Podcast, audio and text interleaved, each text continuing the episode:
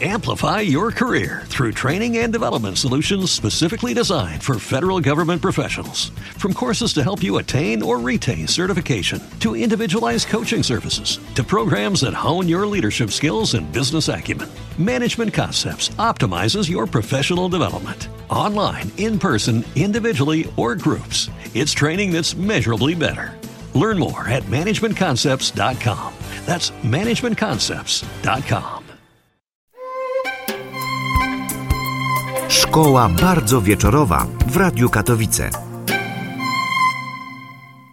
Dobry wieczór Państwu. Marek Mierzwiak przed mikrofonem, a obok mnie pani Maria Trzeciak, która dziś wykładać będzie. No właśnie, tak się zastanawiam, czy najpierw powiedzieć o pisarce i aktorce, czy odwrotnie, aktorce i pisarce. Jeśli chodzi o jej aktorstwo, nie jest ono za bardzo znane.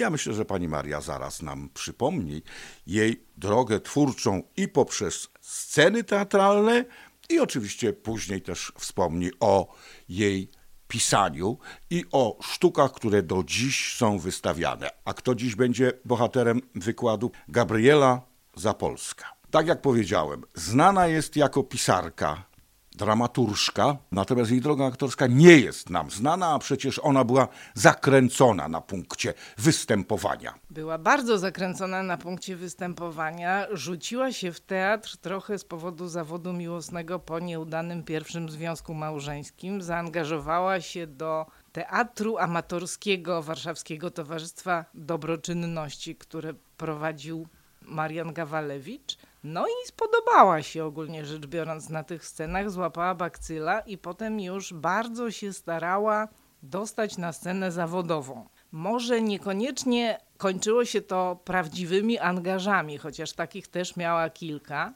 ale starała się bardzo i no powiedzmy, że robiła furory. Robiła furory może niekoniecznie tym, że była taką zdolną aktorką, ale szybko się uczyła, była bardzo inteligentna. Podejmowała role zazwyczaj dosyć efektowne, a w tamtych czasach bardzo było ważne też, żeby być odpowiednio ubranym na scenę. Co ciekawe, aktorzy wtedy musieli sami dbać o stroje sceniczne. Byli ich właścicielami, to prawda, ale musieli je sobie też sami obstalowywać i zamawiać. Zapolska z czasem zaczęła sobie sama wręcz projektować te stroje i często ona pisze w listach do różnych osób, że zrobiła furorę, bo jak wspaniale byłam ubrana.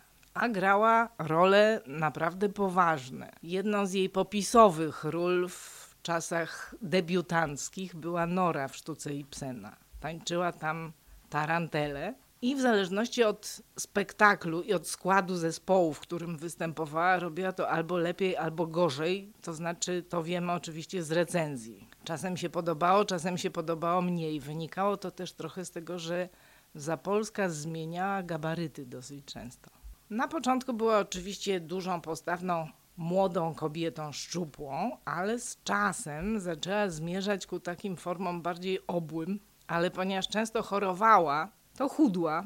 Czasami chudła nawet do 47 kilo, co było rzeczywiście dużą zmianą. No i po prostu zmieniała się jako postać sceniczna także i z tego powodu. Aktorstwo traktowała bardzo poważnie, wiązała z nim swoją przyszłość i nawet postanowiła zrobić karierę zagraniczną, nie tylko na ziemiach polskich, które już miała do pewnego stopnia objeżdżone przed trzydziestką, bo ona debiutowała, jak mówiłam, w Warszawie, potem była związana ze scenami w Krakowie i we Lwowie, ale też z teatrami objazdowymi jeździła na przykład do Poznania, do Łomży, do Dąbrowy Górniczej, no w różne miejsca, było ich co najmniej kilkadziesiąt w tych teatrach objazdowych spędziła całe lata życia. To była trudna praca oczywiście, ponieważ czasami trzeba było na przykład sypiać w teatrze, żywić się właściwie byle gdzie. Dostawało się pieniądze nieduże, z których trzeba było część przeznaczyć właśnie na stroje. Miało się do czynienia z reżyserami różnej klasy i różnej rangi. I trzeba było bardzo wiele rzeczy robić samemu. A przypomnijmy, że to nie były takie czasy jak dziś, kiedy jeden teatr przygotowuje w sezonie kilka premier. Wtedy dwadzieścia parę premier w sezonie to była właściwie norma. Dawała się premiery co tydzień, a co ambitniejsi dyrektorzy potrzebowali, żeby były dwie premiery w tygodniu. Więc trzeba było być nieustannie gotowym na to, żeby na dany wieczór wpasować się w konkretną rolę. To było naprawdę potwornie obciążające. No ale za Polskiej się to bardzo podobało i w pewnym momencie wymyśliła, że skoro ma zaledwie 30 lat, przy czym odmładzała się zawsze o dwa lata, więc teoretycznie była jeszcze przed 30. I skoro jest kobietą piękną, skoro zna francuski bardzo dobrze, nie ma tylko odpowiedniego akcentu, a Modrzejewska, wyjeżdżając do Ameryki, miała już 40 i w ogóle nie znała angielskiego, to kiedy ona, czyli Zapolska, wyjedzie do Paryża, nauczy się tam aktorstwa, to z całą pewnością zrobi karierę europejską, a potem nawet światową, ponieważ ma ku temu wszystkie predyspozycje potrzebne. Pani Mario, zanim opowie Pani, jaką karierę robiła w Paryżu, to chciałbym zapytać się, czy faktycznie Gabriela Zapolska złą kobietą była, bo ona się kłóciła ze wszystkimi o wszystko i za bardzo jej nie lubiano. No to niestety prawda. Wynikało to zapewne z jej dosyć cholerycznego temperamentu. Ona nie potrafiła znieść najlżejszej krytyki oraz miała problem, jeżeli ktoś nie traktował jej z należytą atencją i nie doceniał jej urody, głosu, powabu, sztuki aktorskiej i tak dalej. No i oczywiście kostiumów, chociaż kostiumy akurat generalnie były doceniane. No i z tego powodu wdawała się w kłótnie z aktorkami innymi, zawsze czuła w nich konkurencję. No i te młode kobiety naturalnie też widziały w Zapolskiej konkurencję, ponieważ ona była naprawdę bardzo efektowna z urody i podejrzewam, że kiedy wychodziła na scenę, to starała się zaćmić wszystkie inne aktorki, mimo że stosowała naturalistyczną raczej metodę gry. To znaczy nie miała takich zwyczajów, jak to bywało w dawnym teatrze, wychodzenia na proscenium i deklamacji z twarzą zwróconą w stronę publiczności. Ona grała właśnie tak, jakby, jakby była czwarta ściana, bo uważała, że należy być blisko prawdy życiowej. Niemniej jednak no, rzucała się w oczy. I stawała się solą wokół koleżanek z zespołu właśnie, które też traktowała niezbyt dobrze. Między innymi pomna tego, że kiedy sama debiutowała, to nie chciało jej wpuścić do garderoby. I garderobu użyczyła jej, a właściwie kąta w garderobie użyczyła jej wtedy Helena Modrzejewska, już gwiazda. Modrzejewskiej Zapolska to pamiętała do końca życia, natomiast y, wszystkie swoje koleżanki traktowała z góry. Czyli innym koleżankom też pamiętała właśnie to, że były nieprzyjemne dla niej. Oczywiście, że pamiętała i uważała chyba, że no to jest taka walka o byt ten teatr. Do tego kłóciła się z dyrektorami, którzy na przykład nie chcieli jej dawać odpowiedniej garzy, albo nie chcieli jej angażować, albo nie zapewniali jej warunków. W pewnym momencie ona już się zaczęła domagać osobnej garderoby i kiedy dokwaterowano do niej młodą aktorkę, zrobiła wielką awanturę. Kłóciła się i z Tadeuszem Pawlikowskim, i z Józefem Kotarbińskim, i z Hellerem z Lwowa. Kłóciła się po prostu ze wszystkimi dyrektorami, a miała powodów do kłótni wiele, ponieważ oprócz tego, że grała tych teatrach, to jeszcze dostarczała do nich sztuk albo na przykład dokonywała adaptacji cudzych utworów, adaptowała na przykład Chatę za wsią Kraszewskiego i to w samych początkach swojej kariery. No była kłótliwa niezmiernie, y, bardzo interesującą jest historia taka, że po powrocie z Paryża Zapolska zagrała w teatrze letnim bodajże, czyli w jednym z warszawskich teatrów rządowych, rolę w sztuce Lep to była sztuka o młodym bretońskim rybaku, który zakochuje się w aktorce, takiej trochę femme fatale, a matka tego rybaka, którą właśnie grała za Polska, pragnie go odwieść od tego związku, ponieważ uważa, że zniszczy go. Młodą aktorkę grała wtedy Helena Marcello i jest tam scena taka, kiedy matka Czyli za Polska. Czyli za Polska. Tę ukochaną syna, czyli Helenę Marcello, zabija siekierą. Do pokazania tego na scenie służyła siekiera, która miała drewniane stylisko, ale ostrze wykonane z wypchanego materiału. no niestety Zapolska użyła styliska i przywaliła tej Helenie Marcello tak mocno, że ona podobno padła zemdlona. A Zapolska, wychodząc ze sceny, rzuciła dobrze ci tak cholero i trzasnęła drzwiami. Takie jej się zdarzały właśnie wybryki sceniczne, powiedzmy, więc ciężko się dziwić, że nie była lubiana. No nie była lubiana, ale ona lubiła grać, więc y, to trzeba jakoś było połączyć. I kiedy wyjechała z Polski do Paryża, wydawało jej się, że, tak jak pani powiedziała kilka minut temu, zdobędzie i Paryż, i Europa, a może i świat. Ambicje miała wielkie. Zapisała się na lekcję do aktora Talbota, który wówczas już był aktorem emerytowanym. Chodziła do niego na zajęcia, myślała, że coś z tego będzie, ale po pewnym czasie uznała, że jednak to nie spełnia jej oczekiwań. Dostawała co prawda jakieś malutkie rulki w teatrach drobnych w Paryżu, a to jakieś 200 wierszy, co było dosyć dużo, a ona, dla niej za dużo, ponieważ uważała, że jeszcze ma niesłuszny akcent i może się nie spodobać. Grała tu i ówdzie, ale po jednym, dwa przedstawienia co najwyżej i czuła cały czas, że to jeszcze jest nie to. Potem zmieniła nauczycieli, uczyła się u Marii Samary, która powiedziała jej, że musi przede wszystkim skupić się na tym wyrabianiu sobie francuskiego, paryskiego akcentu. Zabroniła jej podobno w ogóle używać języka polskiego, co było o tyle trudne, że Zapolska wtedy żyła głównie wśród y, członków polskiej kolonii, socjalistów, dziennikarzy, artystów, malarzy. No. Postanowiła się w związku z tym troszkę odseparować od tego kręgu i ćwiczyła dalej. Wreszcie trafiła na miejsce, które jej posłużyło najlepiej, to znaczy do Teatr Libre Antoana.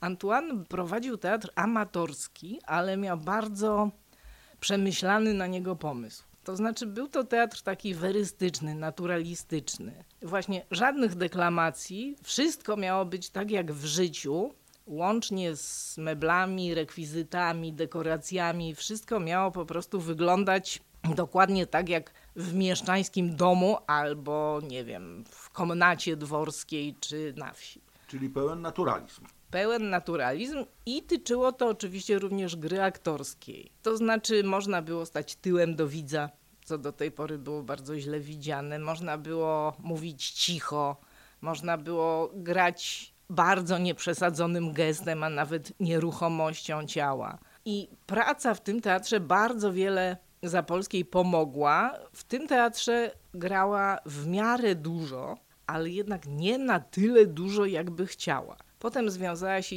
z jeszcze jednym teatrem Linie Poego, to był teatr d'oeuvre, którego założenie z kolei było takie, że spektakl ma być skończonym dziełem. Co to znaczy?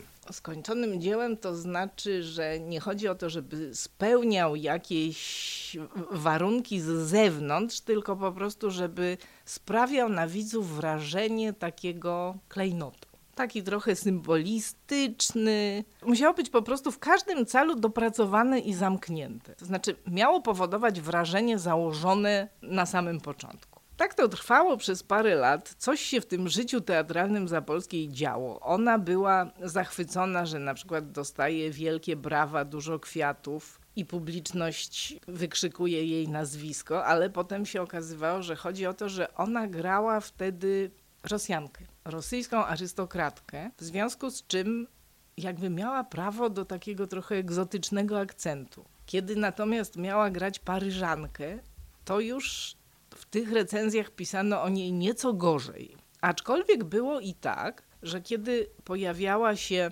na scenie nierozpoznana i mówiła coś tym swoim akcentem, to nie pisano o niej źle, ponieważ w związku z tym, że jej nie rozpoznawano, to nie zwracano uwagi na akcent. Więc jak to było z tym jej aktorstwem? Czy ono było na wysokim światowym poziomie? Czy tylko Zapolska sobie to roiła? To właściwie dokładnie nie wiadomo. Tadeusz Piper napisał na ten temat książkę, z której wynika, że miała ona pewne zasługi, natomiast była osobą pozbawioną takiego naturalnego aktorskiego instynktu. Ona była osobą bardzo inteligentną, wiele się miała nauczyć i też się nauczyła, ale czegoś takiego, co miała Modrzejewska w niej nie było. Ile lat ona grała w Paryżu i kiedy wraca do Polski, to jak wygląda jej kariera aktorska? W Paryżu przebywała od 1899 roku do 1895, czyli 6 lat mniej więcej. W 95 w połowie wróciła do Polski i właśnie wtedy po raz pierwszy wystąpiła w tej sztuce Lep teatrach rządowych. Ponieważ przywaliła tej Helenie Marcello siekierą, to została stamtąd y, relegowana. Potem współpracowała z teatrami ogródkowymi. Teatry ogródkowe to były takie teatry na wolnym powietrzu z jakimś prowizorycznym zadaszeniem. Grywano tam nieco inny repertuar niż w normalnych teatrach repertuarowych zamkniętych. Dla tego teatru Zapolska napisała sztukę o tematyce żydowskiej Małka Schwarzenkopf, która potem zyskała kontynuację w postaci sztuki Jojne Firukes i to były utwory, które były grywane bardzo wiele razy, zwłaszcza Małka. Podobno miała ponad 100 przedstawień, co w tamtej epoce jest osiągnięciem niesłychanym. No i miała też inną publiczność bo podobno społeczność żydowska waliła drzwiami i oknami, nie możemy powiedzieć, bo teatr był ogródkowy, na ten spektakl bardzo licznie i była zachwycona, bo tam były pokazane powiedzmy szczegóły życia społeczności żydowskiej, jakieś rytuały, obrzędy, pieśni. Było takie przedstawienie, że cały heder wprowadzono na scenę. Był prawdziwy marszelik, czyli taki mistrz ceremonii żydowskiej, który prowadził na przykład obrzęd ślubny dokonujący się na scenie. To miało świetne recenzje i rzeczywiście świetną publiczność, no ale Zapolska na tym nie poprzestawała. Zwróćmy uwagę, że to były sztuki, które ona napisała sama, bo ona już od kilkunastu wówczas lat pisała. Tak jak powiedziała pani Maria Trzeciak, Gabriela Zapolska od kilkunastu lat pisała. Jakie sztuki pisała? Które to sztuki cieszyły się największą popularnością? Zaraz się dowiemy, ponieważ bohaterką dzisiejszej szkoły bardzo wieczorowej jest Gabriela Zapolska. Szkoła bardzo wieczorowa w Radiu Katowice. Nie śpi, bo nie będziesz wiedział. Zanim pani powie o jej twórczości literackiej, to chciałbym, żeby pani przypomniała, skąd wywodzi się Gabriela Zapolska, jak ona się nazywała, bo przecież Gabriela Zapolska to jest jej pseudonim sceniczny, czy literacki. Natomiast y, ona przecież pochodziła z bardzo zamożnej rodziny i urodziła się pod Lwowem. Konkretnie na Podolu są dwie wersje. W Podhajcach albo w Kiwercach to były majętności jej rodziny Korwin-Piotrowskich. To była rodzina arystokratyczna, rzeczywiście bardzo bogata, która oprócz tych posiadłości podolskich miała jeszcze jakieś posiadłości w Warszawie i gdzie indziej, między innymi mieszkanie, w którym Zapolska potem przez jakiś czas żyła. Amplify your career through training and development solutions specifically designed for federal government professionals. From courses to help you attain or retain certification, to individualized coaching services, to programs that hone your leadership skills and business acumen, Management Concepts optimizes your professional development. Online, in person, individually, or groups, it's training that's measurably better. Learn more at managementconcepts.com. That's managementconcepts.com. Okay, round two. Name something that's not boring. A laundry? Ooh, a book club. Computer solitaire, huh? Ah, oh, sorry, we were looking for Chumba Casino. That's right. ChumbaCasino.com has over 100 casino style games. Join today and play for free for your chance to redeem some serious prizes. ChumbaCasino.com. No purchase necessary. Full prohibited by law. 18 plus terms and conditions apply. See website for details. Jej rodzicem był Wincenty Korwin-Piotrowski, człowiek bardzo majętny i bardzo świątobliwy, który ożenił się właściwie przypadkiem, ponieważ w młodości zamierzał zostać księdzem. Ale zanim podjął jakieś ostateczne kroki w tym kierunku, został przez kolegów zabrany do teatru w Warszawie i zakochał się w tancerce warszawskiego baletu. No i się z nią ożenił, mówiąc krótko. Ta tancerka była bardzo pięknej urody i dzieci chyba odziedziczyły tę urodę po matce. chociaż również ojciec był człowiekiem dosyć przystojnym. Charakteryzował się tym, że tę swoją niewyżytą religijność realizował w ten sposób, że na przykład kiedy już dzieci było na świecie, a było ich troje, to odprawiał mszę w pałacowej kaplicy w Podhajcach, a dzieci służyły mu jako ministranci. No i być może, żeby odpokutować to, że nie został księdzem, a może z innych powodów, ślubował, że pójdzie do Ziemi Świętej, ponieważ był gospodarzem i ojcem już nie bardzo mógł to zrobić, więc pielgrzymował po swoim parku w kompletnym stroju pielgrzymim, z kosturem pielgrzymim i potem odpisywał sobie te kilometry w zeszyciku. No jest wysoce prawdopodobne, że doszedł do tej Jerozolimy w końcu, bo to 3000 kilometrów to nie jest tak daleko. No jeżeli robił, dajmy na to dwa dziennie. No. Gabriela Zapolska wtedy nazywała się Wtedy nazywała się Maria Gabriela Korwin-Piotrowska. Kiedy miała 11 lat, została wysłana na pensję prowadzoną przez y, siostrzyczki sercanki Sacré-Cœur w Lwowie. Potem w wyniku jakichś zawirowań wychowawczych została przeniesiona na pensję Walentyny Choroszkiewicz również w Lwowie i doświadczenia, które tam zebrała, powiedzmy niezbyt miłe, przelała na papier w postaci powieści Przedpiekle. To jest książka, która powstała wiele lat po zakończeniu przez Gabrielę tej formalnej edukacji, ale podobno gdyby ją teraz przeczytać, to budzi lekką grozę. To znaczy sam sposób traktowania tych wychowanek, sposób w jaki one musiały żyć, jak były potwornie skrępowane. Te dziewczynki, małe, młode bardzo, rozwijające się dopiero, musiały już chodzić w gorsetach. Nie mogły się na przykład rozebrać do mycia, kąpały się w koszulach, spały szeregami na łóżkach z rękami złożonymi na kołdrze i miały w tej sprawie inspekcję. Ale i tak były w jakiś sposób tak podskórnie mocno rozbudzone erotycznie, ponieważ do tej szkoły przychodziły również dziewczyny z zewnątrz, które opowiadały o tym, co się na świecie dzieje, w sensie, że na przykład do służącej przychodzi strażak pożarny i całuje ją w rękę. Więc wszystko to jakby nie współgrało ze sobą. To wychowanie takie pozbawione higieny, dobrego odżywiania, jakichś solidnych wartości edukacyjnych, kaleczyło te dziewczęta straszliwie. Zapolska pisze, że one potem wracały do domów na wakacje chude, blade, zmęczone potwornie, ale rodzice uważali, że po wakacjach i tak jest trzeba na tę pensję odesłać, bo właściwie nie ma innej drogi. Więc to przedpiekle to jest powieść, która kończy się dosyć tragicznie samobójstwem jednej z dziewczynek. To znaczy, to znowu miało dwie wersje, bo Zapolska czasami zmieniała te swoje utwory. Raz je wydawała w jednej formie, raz w drugiej, bo niektóre z nich były drukowane w gazetach. Potem w wydaniu książkowym zmieniało się zakończenie. Czasem ona też pisała sztuki, które potem przerabiała na powieści, zmieniając pewne szczegóły.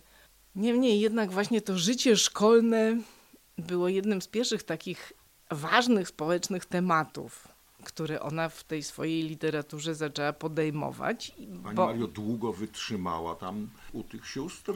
Dwa lata spędziła o sióstr, potem w tej cywilnej pensji jeszcze rok, a potem już wróciła do domu jako 14 czy 15-latka i potem jeszcze przez jakiś czas pobierała nauki domowe tak zwane od nauczycieli, którzy mieszkali w dworze podchajeckim czy kiwereckim. No a potem zaczęła bywać, ponieważ już zaczęła być panną na wydaniu, nawiasem piękną panną na wydaniu. I wyjechała do Warszawy, zamieszkała w tym warszawskim mieszkaniu Korwin-Piotrowskich. Bardzo często odwiedzała swoją ciotkę Karolinę Staniszewską, która prowadziła taki salon artystyczno-literacki. I być może tam zwrócił na nią uwagę porucznik Konstanty Eliasz Śnieżko-Błocki, porucznik wojsk rosyjskich oczywiście, był młodzieńcem również przystojnym, o kilka zaledwie lat starszym, oświadczył się, został przyjęty. Ślub bardzo efektowny odbył się na Jasnej Górze w Częstochowie. Gabriela była ubrana bardzo pięknie, po czym wkrótce po ślubie Okazało się, że oboje małżonkowie przeżyli wielkie rozczarowanie. Konstanty Eliasz dlatego, że dostał za Gabrielą za mały posag, tylko 40 tysięcy rubli, a Gabriela, ponieważ Konstanty jakby w ogóle nie był nią w żaden sposób zainteresowany, ona została rzucona na głęboką wodę, nie mając pojęcia o prowadzeniu domu. No i wyszło na to, że Śnieżko Błocki żenił się wyłącznie dla posagu, a generalnie zajmował się cały czas swoim życiem kawalerskim i źle traktował żonę. Do tego jeszcze być może, w każdym razie tak wynika z niektórych listów, być może była tam taka sprawa, że urodziło się dziecko. I to dziecko wkrótce zmarło. Jeden z biografów Zapolskiej sugeruje na podstawie mm, treści, które Zapolska umieszczała w listach do różnych osób, że to dziecko było obciążone kiłą.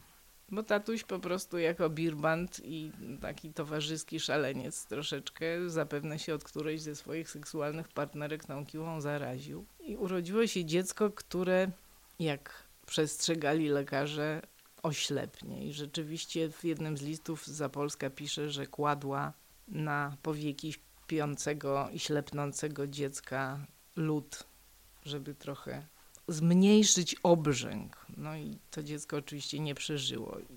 Przy czym wiemy to rzeczywiście tylko z, takich śladowych informacji rozsianych po listach. Zapolska nie była publicznie wylewna na ten temat absolutnie. Ona była wtedy kobietą bardzo młodą, Ona kiedy była- wychodziła za mąż. Kiedy wychodziła za mąż, miała y, zgodnie z ustaleniami Jadwigi Czachowskiej 19 lat, a zgodnie z podawanym przez siebie wiekiem 17, aczkolwiek czasami dawała do zrozumienia, że i 16. No, no więc zostawiła tego Śnieżko Błockiego i właśnie już wtedy poszła w teatr, ale co ciekawe, właśnie najprawdopodobniej te doświadczenia małżeńskie posłużyły jej do napisania kolejnych książek, które jakby ciągną w dwie różne strony. Z jednej strony to są właśnie takie relacje początkujących małżonków i temu służy na przykład taka nowelka Nareszcie sami.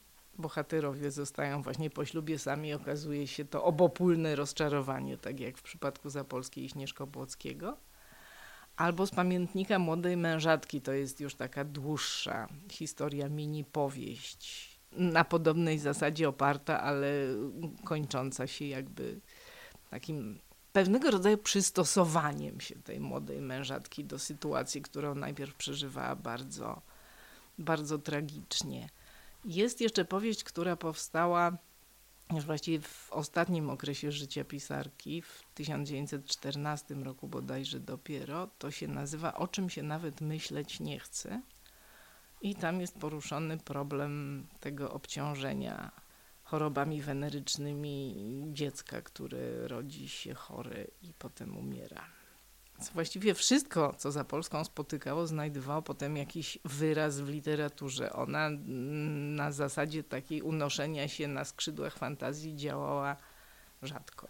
To teraz, Pani Mario, przypomnijmy jej twórczość, bo my znamy te najważniejsze jej sztuki, takie jak Moralność Pani Dulskiej, Skis czy Ich czworo, ale przecież ona tych sztuk, tych powieści czy opowiadań napisała mnóstwo, bo tak jak Pani powiedziała, drukowała też w gazetach, wydawała tę swoją twórczość, czyli po Gabrieli Zapolskiej mamy spuściznę dość dużą. To jest puścizna, która ma kilkadziesiąt dzieł literackich, przy czym, jak wspominałam wcześniej, właśnie one mają różne wersje. I są to nie tylko sztuki, ale również opowiadania, szkice, bardzo rzetelne powieści. Na przykład Kaśka Kariatyda, która jest dziełem dosyć wczesnym i która wywołała wielkie zdziwienie krytyki, że w ogóle można pisać o służących i że służący nie są w tej powieści tylko służącymi, ale ludźmi. To było rzeczywiście wielkie krytyczne zdziwienie. No i oczywiście dramaty. I żeby było trochę straszniej, to właściwie większość tych utworów zapolskiej po opublikowaniu albo po zaprezentowaniu na scenie spotykała się z taką bardzo wielką krytyczną falą, zwłaszcza ze strony konserwatystów, ale i ze strony krytyków zajmujących się stroną artystyczną. Właściwie działo się tak od początku. Zapolska to bardzo źle znosiła, ponieważ była przekonana, że robi dobrą robotę, że jest wybitnie utalentowana i że te jej rzeczy dotykają prawdziwego życia i w związku z tym mają absolutny sens. No ale i część publiczności, i część krytyki się z tym nie godziła. Zapolska już jako dosyć młoda osoba zdecydowała się w swojej sprawie, to znaczy w sprawie swojej książki, wystąpić do sądu. Dlaczegoż to? Otóż opublikowała ona w 83, 1883 opowiadanie Małaszka. Chodziło w nim o to, że no, Małaszka, młoda wieśniaczka, wychodzi za mąż za lokaja, ale jest bardziej ambitna, że tak powiem, oraz jest taka rozbudzona erotycznie i zainteresowana wielkim światem, w związku z czym uwodzi młodego hrabiego.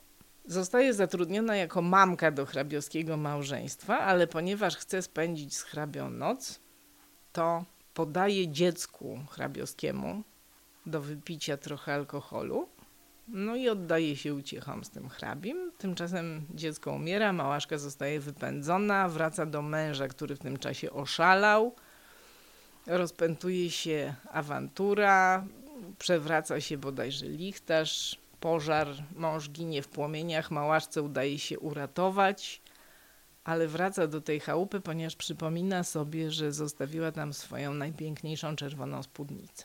Kiedy się ta małaszka ukazała w gazetach, nie było jeszcze problemu, ale dwa lata później małaszka ukazała się w wydaniu książkowym w zbiorku pod tytułem Akwarele. I wtedy przypuścił na nią atak Jan Popławski, który był krytykiem zatrudnionym w Prawdzie Świętochowskiego. Świętochowski, jak wiadomo, papież pozytywizmu, był autorytetem wielkim i zamieścił na stronach tej prawdy recenzję, z której wynikało, że oczywiście z panią Zapolską nie ma się co liczyć, ponieważ jest osobą młodą, kobietą. Płody muszczków kobiecych to w ogóle generalnie jest nieciekawa sprawa że pani Zapolska pisze tak jak gra, a gra kiepsko, że zmyśla, że lubuje się w brudach, że lubuje się w przedstawianiu erotycznej strony życia, że pisze o tym, o czym się pisać nie powinno, a generalnie rzecz biorąc wszystko to są przeróbki z jakichś już gotowych utworów. Ta małaszka jest przeróbką z utworu rosyjskiego, który był publikowany w jakimś piśmie, nie pamiętam w tej chwili jakim, a jeszcze jest zarzut prawdopodobnie dotyczący utworu Gdybyś ożyła, który z kolei jest czymś w rodzaju kopii opowiadania autora francuskiego. Zarzucali jej plagiaty. Zarzucali jej plagiaty, tak jest, aczkolwiek słowa plagiat używając w drugiej kolejności mówili o przeróbkach. Zapolska się wściekła. Wściekła się zapewne na wszystko, bo została rzeczywiście potraktowana brzydko, ale postanowiła uderzyć w taki moment, który najbardziej jej dopiekł, że to mianowicie są przeróbki. I opublikowała list otwarty w którymś z pism warszawskich, w którym zażądała sądu honorowego. To znaczy zobowiązała Popławskiego i Świętochowskiego, żeby dostarczyli dowody na to, że ona popełniła plagiat, a ten sąd honorowy pod przewodnictwem Kraszewskiego Ignacego? Tak jest, tegoż właśnie ustali, czy do tego plagiatu rzeczywiście doszło. Z tego naturalnie nic nie wyszło, ale pod wpływem porad przyjacielskich Zapolska zdecydowała się po prostu wystąpić do sądu w tej sprawie przeciwko Popławskiemu i Świętochowskiemu. Sytuacja była o tyle wtedy skomplikowana, że Popławski wtedy siedział w Cytadeli Warszawskiej, no niemniej jednak po jakimś czasie ten proces się odbył. Wtedy z kolei Zapolska nie mogła na niego przybyć i reprezentował ją adwokat, zresztą dosyć tak niemrawo. I ten proces doprowadził do uniewinnienia zarówno Popławskiego, jak i Świętochowskiego, co no, z punktu dzisiejszego widzenia było bardzo dziwne, ponieważ panowie nie dostarczyli żadnego dowodu. Znaczy w międzyczasie Popławski wycofał się z zarzutu plagiatu wobec Małaszki, bo stwierdził, że on tylko słyszał, że w takim rosyjskim piśmie było opublikowane coś takiego, więc sam osobiście tego nie widział. Natomiast zgłosił się do księgarza paryskiego któregoś o przysłanie tej książeczki, y, która posłużyła jako wzór dla nowelki Gdybyś ożyła. I ten księgarz, zamiast książeczki, która mogłaby posłużyć jako dowód w sprawie, albo w jedną, albo w drugą stronę, przysłał tylko informację, że nakład jest wyczerpany. Czyli dowodu żadnego nie dostarczyli, prawda? Natomiast Świętochowski wytoczył przeciw Zapolskiej w sądzie bardzo grube działa. Mówił długo, bardzo nieprzyjemnie. No, naprawdę nie spodziewałam się takiego tekstu po takim Świętochowskim, bo jakby mieszał ją z błotem, dlatego że była kobietą to raz. Dwa, dlatego że jakby w sytuacji zaborczej antypatriotycznego czynu dokonała, pozywając do sądu polskich autorów, którzy i tak mają jakieś ograniczone warunki działania i domagając się od nich uznania właściwie czego. Przecież słowo przeróbka to nie jest żaden zarzut. Przecież właściwie wszyscy autorzy przerabiają albo cudze teksty, albo cudze idee. Przecież obróbka to jest zupełnie normalna rzecz, więc oni jej nic nie zrobili. Panowie zostali uniewinnieni. Czyli, tak jak pani powiedziała, papież pozytywizmu powiedział, że to niedobra kobieta była i niedobra patriotka. Tak, niedobra patriotka. Hello, it is Ryan, and I was on a flight the other day playing one of my favorite social spin slot games on chumbacasino.com. I looked over the person sitting next to me, and you know what they were doing? They were also playing Chumba Casino. Coincidence? I think not. Everybody's loving having fun with it. Chumba Casino is home to hundreds of casino style games that you can play for free anytime, anywhere, even at 30,000 feet. So sign up now at chumbacasino.com to claim your free welcome bonus. That's chumbacasino.com and live the Chumba life. No purchase necessary. VGW Group. Void were prohibited by law. See terms and conditions. 18 plus. Lucky Land Casino asking people what's the weirdest place you've gotten lucky? Lucky? In line at the deli, I guess? Aha, in my dentist's office. More than once, actually. Do I have to say? Yes, you do. In the car before my kids' PTA meeting. Really? Yes. Excuse me, what's the weirdest place you've gotten lucky? I never win and tell. Well, there you have it. You can get lucky anywhere playing at LuckyLandSlots.com. Play for free right now. Are you feeling lucky? No purchase necessary. Void where prohibited by law. 18 plus. Terms and conditions apply. See website for details. Niedobra patriotka, a w dodatku jeszcze kobieta nieprzyzwoita i te wszystkie rzeczy, o których ona pisze, te wszystkie jakieś wyuzdania, uwodzenia, głupie powroty po czerwoną spódnicę, zamiast przynajmniej walczyć pod sztandarem jakiejś idei, że to wszystko wynika z, z jej życiorysu, z jej doświadczeń, że ona sama taka jest, jak ta jej bohaterka. No i jak zareagowała Gabriela Zapolska na uniewinnienie panów? No była tym mocno podłamana, natomiast rozpętała się potem wielka kampania prasowa, w której pojawiło się naprawdę wielu obrońców Zapolskiej. Bronili oni przede wszystkim jakby jej wolności twórczej i wolności do tego, żeby przekraczać pewne granice, żeby poszerzać zasięg tematów, o których się pisze, żeby zwracać uwagę na to, że społeczeństwo naprawdę nie składa się z tylko z arystokracji wyższych warstw mieszczańskich, tylko że żyją jeszcze inni ludzie i ci ludzie nie stanowią tylko tła, ale są ludźmi. Na przykład Prus czy Dygasiński, Jan Lorentowicz. No wielu było tych autorów, którzy wystąpili w jej obronie i uzasadniając jej stanowisko. O Gabrieli Zapolskiej dziś w Polskim Radiu Katowice wykłada pani Maria Trzeciak. Szkoła bardzo wieczorowa w Radiu Katowice. Nie śpi, bo nie będziesz wiedział. Teraz chciałbym pani Mario zapytać o te najważniejsze dramaty napisane przez Gabrielę Zapolską. Powstały kilkadziesiąt lat temu, a są ciągle aktualne, że powiemy o tym najsławniejszym, który jest ciągle wystawiany i filmowany, czyli o moralności pani Dulskiej, że brudy należy prać w domu. Zasadniczo domowe brudy należy prać w domu. Więc moralność pani Dulskiej przyszła za Polskiej oczywiście tak jak wszystko z życia.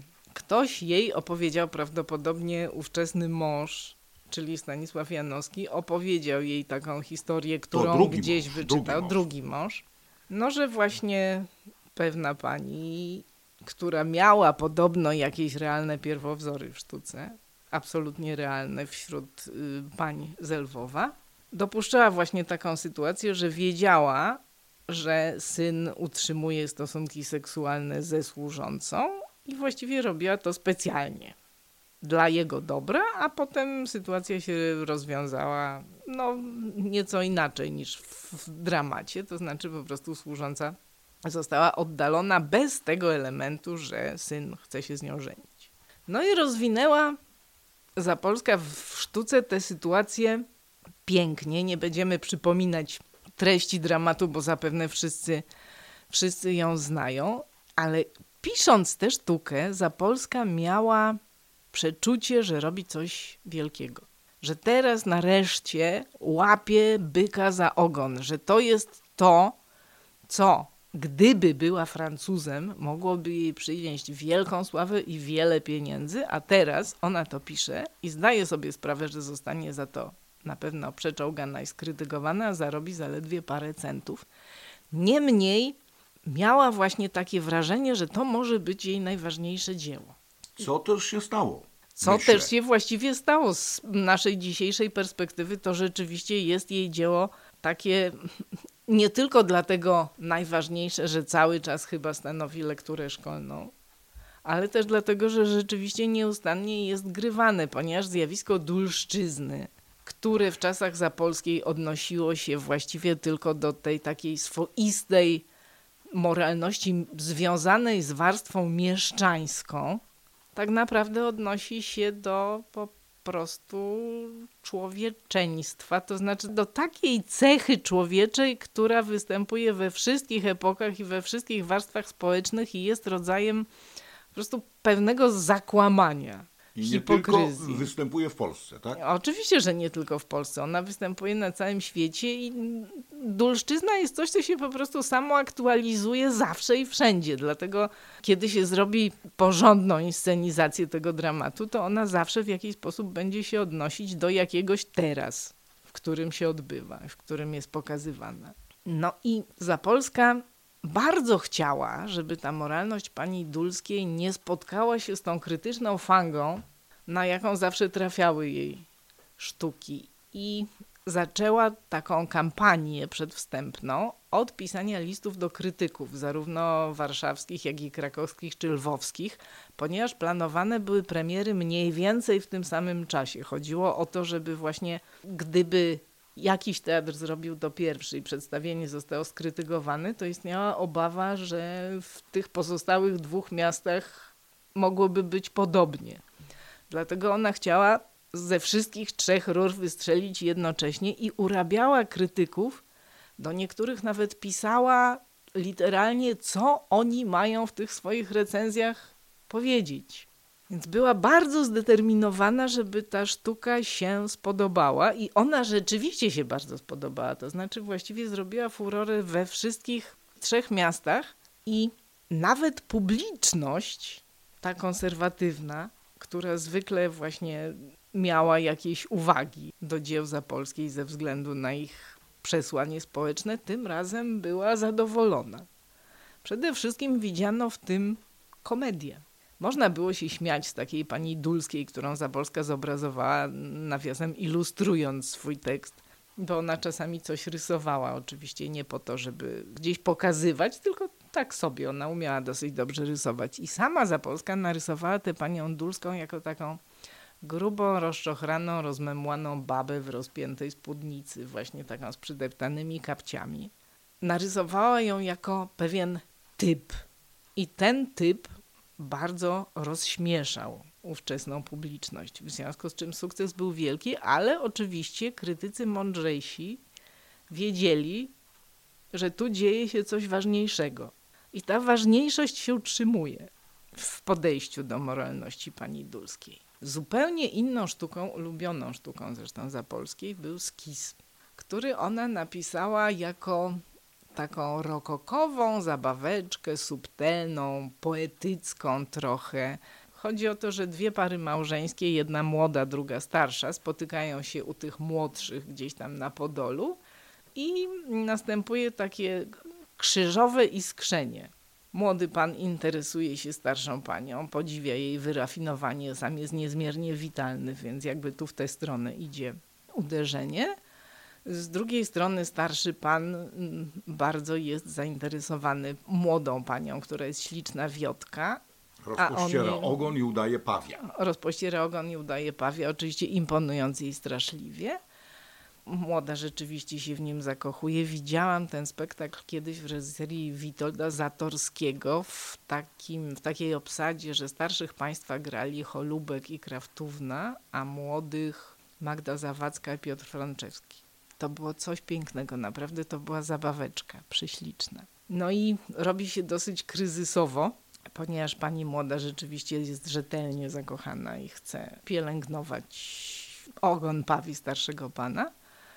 Tymczasem okazuje się, że jednak nic z tego nie wyjdzie naturalnie, ponieważ starsza małżonka posiada taki atut, o którym wie, że go posiada, czyli skiza, który polega na tym, że wiadomo, że mąż nabiera przyzwyczajeń i te przyzwyczajenia wiążą go bardziej ze starą żoną. To są takie gierki bardziej towarzyskie, nie pamiętam już dokładnie treści tej sztuki, ale to są gierki takie właśnie uczuciowo-towarzyskie, nie ma żadnego realnego zagrożenia, prawdę mówiąc. Ta sztuka jednym się podobała, innym nie, ale generalnie Zapolska była z niej bardzo zadowolona. W tym kręgu drugim, takim społecznym, społeczno-psychologicznym, poruszającym sytuację ludzi uwikłanych w jakiś sposób, mieści się natomiast sztuka Panna Maliczewska.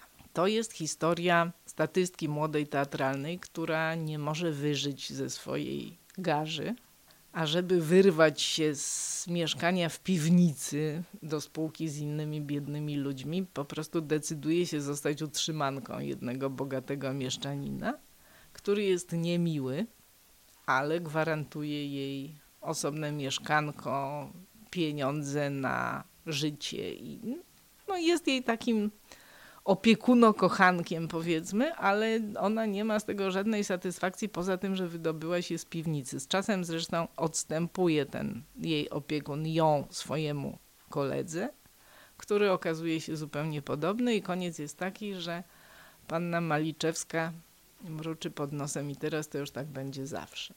Nie ma żadnej niezależności. Nie można się spodziewać, że będzie dobrze. Po mężczyznach generalnie nie można się spodziewać, że będzie dobrze. No właśnie, powiedziała pani to zdanie, że po mężczyznach nie można się spodziewać, że będzie dobrze.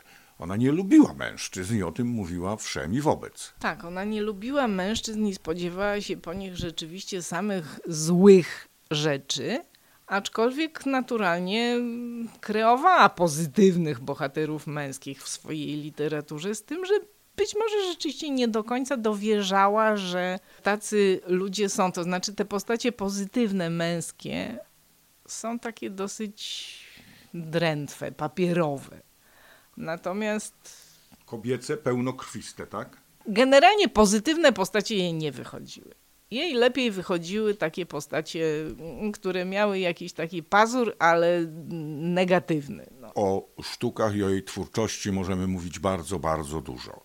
Ale teraz proszę mi powiedzieć, czy Gabriela Zapolska dziś jest pisarką, która wniosła coś do literatury polskiej i można ją czytać. Ja nie mówię tutaj o oczywiście sztukach, które są wystawiane na scenie, bo to wiadomo, że twórcy teatralni zawsze coś znajdą, ale my możemy wziąć do przeczytania jedną czy drugą powieść i powiedzieć, no ciekawie pisała o różnych zjawiskach i o różnych postaciach. Myślę, że tak. To znaczy, z całą pewnością tylko część tej spuścizny zapolskiej nadaje się do czytania z ciekawością. Te wszystkie rzeczy, które jakby są w takiej stylistyce młodopolskiej utrzymane, to już naprawdę za łeb drą. Ale taką Kaśkę Kariatydę, czy na przykład sezonową miłość z pamiętnika młodej mężatki, to też są rzeczy, które są do przeczytania i one naprawdę przynajmniej poglądowo są bardzo, bardzo ciekawe. No i tu jest jeszcze jeden taki wątek, który chciałam poruszyć. Otóż Zapolska, która była osobą niezmiernie pracowitą, mimo też niezmiernej chorowitości, ona właściwie mnóstwo czasu spędzała w sanatoriach albo leżąc w łóżku, Zapolska musiała tak naprawdę być tak niezmiernie pracowita, ponieważ mimo, że była bogata z domu, to musiała zarabiać na swoje utrzymanie, bo nie mogła się doczekać na pieniądze z posagu po rozwiązaniu pierwszego małżeństwa. Potem nie mogła się doczekać na pieniądze ze sprzedaży rodzinnych posiadłości od brata. I cały czas sama na siebie pracowała. Co w tamtych czasach, to znaczy przełomu XIX i XX wieku, nie było taką oczywistością naturalnie. Więc była niezależna, chciała być niezależna, a równocześnie jakby nie była z tej niezależności zadowolona. Uważała, że została w nią wmanewrowana. Ona jako symbol niezależności, czyli taki ideał feministyczny jakby, widziała w tej swojej sytuacji rodzaj pułapki. Ona wielokrotnie przyznawała w listach, że wolałaby być właśnie od kogoś zależna i otoczona opieką. Miała na myśli opiekę męską. A zawsze wiązała się z facetami, którzy byli od niej młodsi i jakoś mniej zaradni życiowo, w każdym razie nie potrafili się nią w żaden sposób zaopiekować. Co więcej, Zapolska uważała, że kobiety, które podejmują męskie zawody, też lądują w takiej sytuacji bez wyjścia trochę, ponieważ tracą na kobiecości, a kobiecość jest no, biologicznym przymusem jest przede wszystkim. Nie można się z niej w żaden sposób wyzwolić. No i poza tym, że tracą na tej kobiecości, to jeszcze jakoś nie umieją się znaleźć w tych, tych swoich nowych męskich rolach. Pisała o Karolinie Schulz. To była bodajże pierwsza Polka, która zdobyła doktorat z medycyny w Paryżu. Wszyscy się tym zachwycali, to może nie wszyscy, ale te środowiska postępowe, a ona się tym wcale nie zachwycała, ponieważ jak pisała, w jakiś czas później pani Karolina Schulz wyszła za mąż, zaszła w ciążę i w piątym miesiącu poroniła. I takie są tego efekty, pisała Zapolska. Co wam pomogą te studia? Co wam pomoże to ubieranie się w męskie stroje, jeżeli potem nawet nie umiecie donosić ciąży? Czyli nie można powiedzieć, że ideały feminizmu ona miała wypisane na sztandarze, który dzierżyła. Na sztandarze go nie miała, natomiast żyła jak współczesna kobieta, borykając się z problemami niezależności, ale będąc niezależną. W roku 1921 Gabriela Zapolska umiera. Jej grób możemy odwiedzać, kiedy znajdziemy się w Lwowie na cmentarzu Łyczakowskim. No i to jest właśnie straszne. Umarła praktycznie całkowicie opuszczona, chora, nieopuszczająca od wielu miesięcy łóżka, prawie ślepa, prawie niepoczytalna, to znaczy doprowadzana do stanu niepoczytalności przez ostatniego mężczyznę, któremu uwierzyła, który sfałszował jej testament. Potem były kłopoty z jej pogrzebem takie, że nie było gotowego grobowca, więc planowano pochować ją w grobowcu Konopnickiej, na co się sprzeciwiła Konopnickiej rodzina, więc efektywnie pochowano ją w jakimś przypadkowym grobowcu, w którym jej zwłoki spędziły kilka lat, dopóki nie wybudowano grobowca prawdziwego na pogrzebie, który na początku był z wielką pompą przeprowadzany i z wielkimi mowami, ostatecznie zostało tylko kilka osób, ponieważ wtedy padał straszliwy deszcz. I działo się jeszcze po jej śmierci dużo skandalicznych rzeczy dotyczących jej spadku, także jakby rzeczywiście przez całe życie otaczała ją aura skandalu i po śmierci też ją otacza i może należałoby ją trochę odskandalizować powiedziała w szkole bardzo wieczorowej pani Maria Trzecia, która dziś przypomniała i bardzo ciekawe życie i twórczość Gabrieli Zapolskiej. Marek Mierzwiak, kłaniamy się Państwu, życzymy dobrej nocy i zachęcamy do przeczytania kilku książek, a może jednej książki Gabrieli Zapolskiej. No i oczywiście, jeżeli gdzieś w jakimś teatrze będą grane jej sztuki, to też myślę warto zobaczyć to, co współcześni reżyserzy mogą powiedzieć przy pomocy właśnie dramatów Gabrieli Zapolskiej. Szkoła bardzo wieczorowa w Radiu Katowice. With lucky landslots, you can get lucky just about anywhere. Dearly beloved, we are gathered here today to. Has anyone seen the bride and groom? Sorry, sorry, we're here. We were getting lucky in the limo and we lost track of time. No, Lucky Land Casino, with cash prizes that add up quicker than a guest registry. In that case, I pronounce you lucky. Play for free at LuckyLandSlots.com. Daily bonuses are waiting. No purchase necessary. Void were prohibited by law. 18 plus. Terms and conditions apply. See website for details.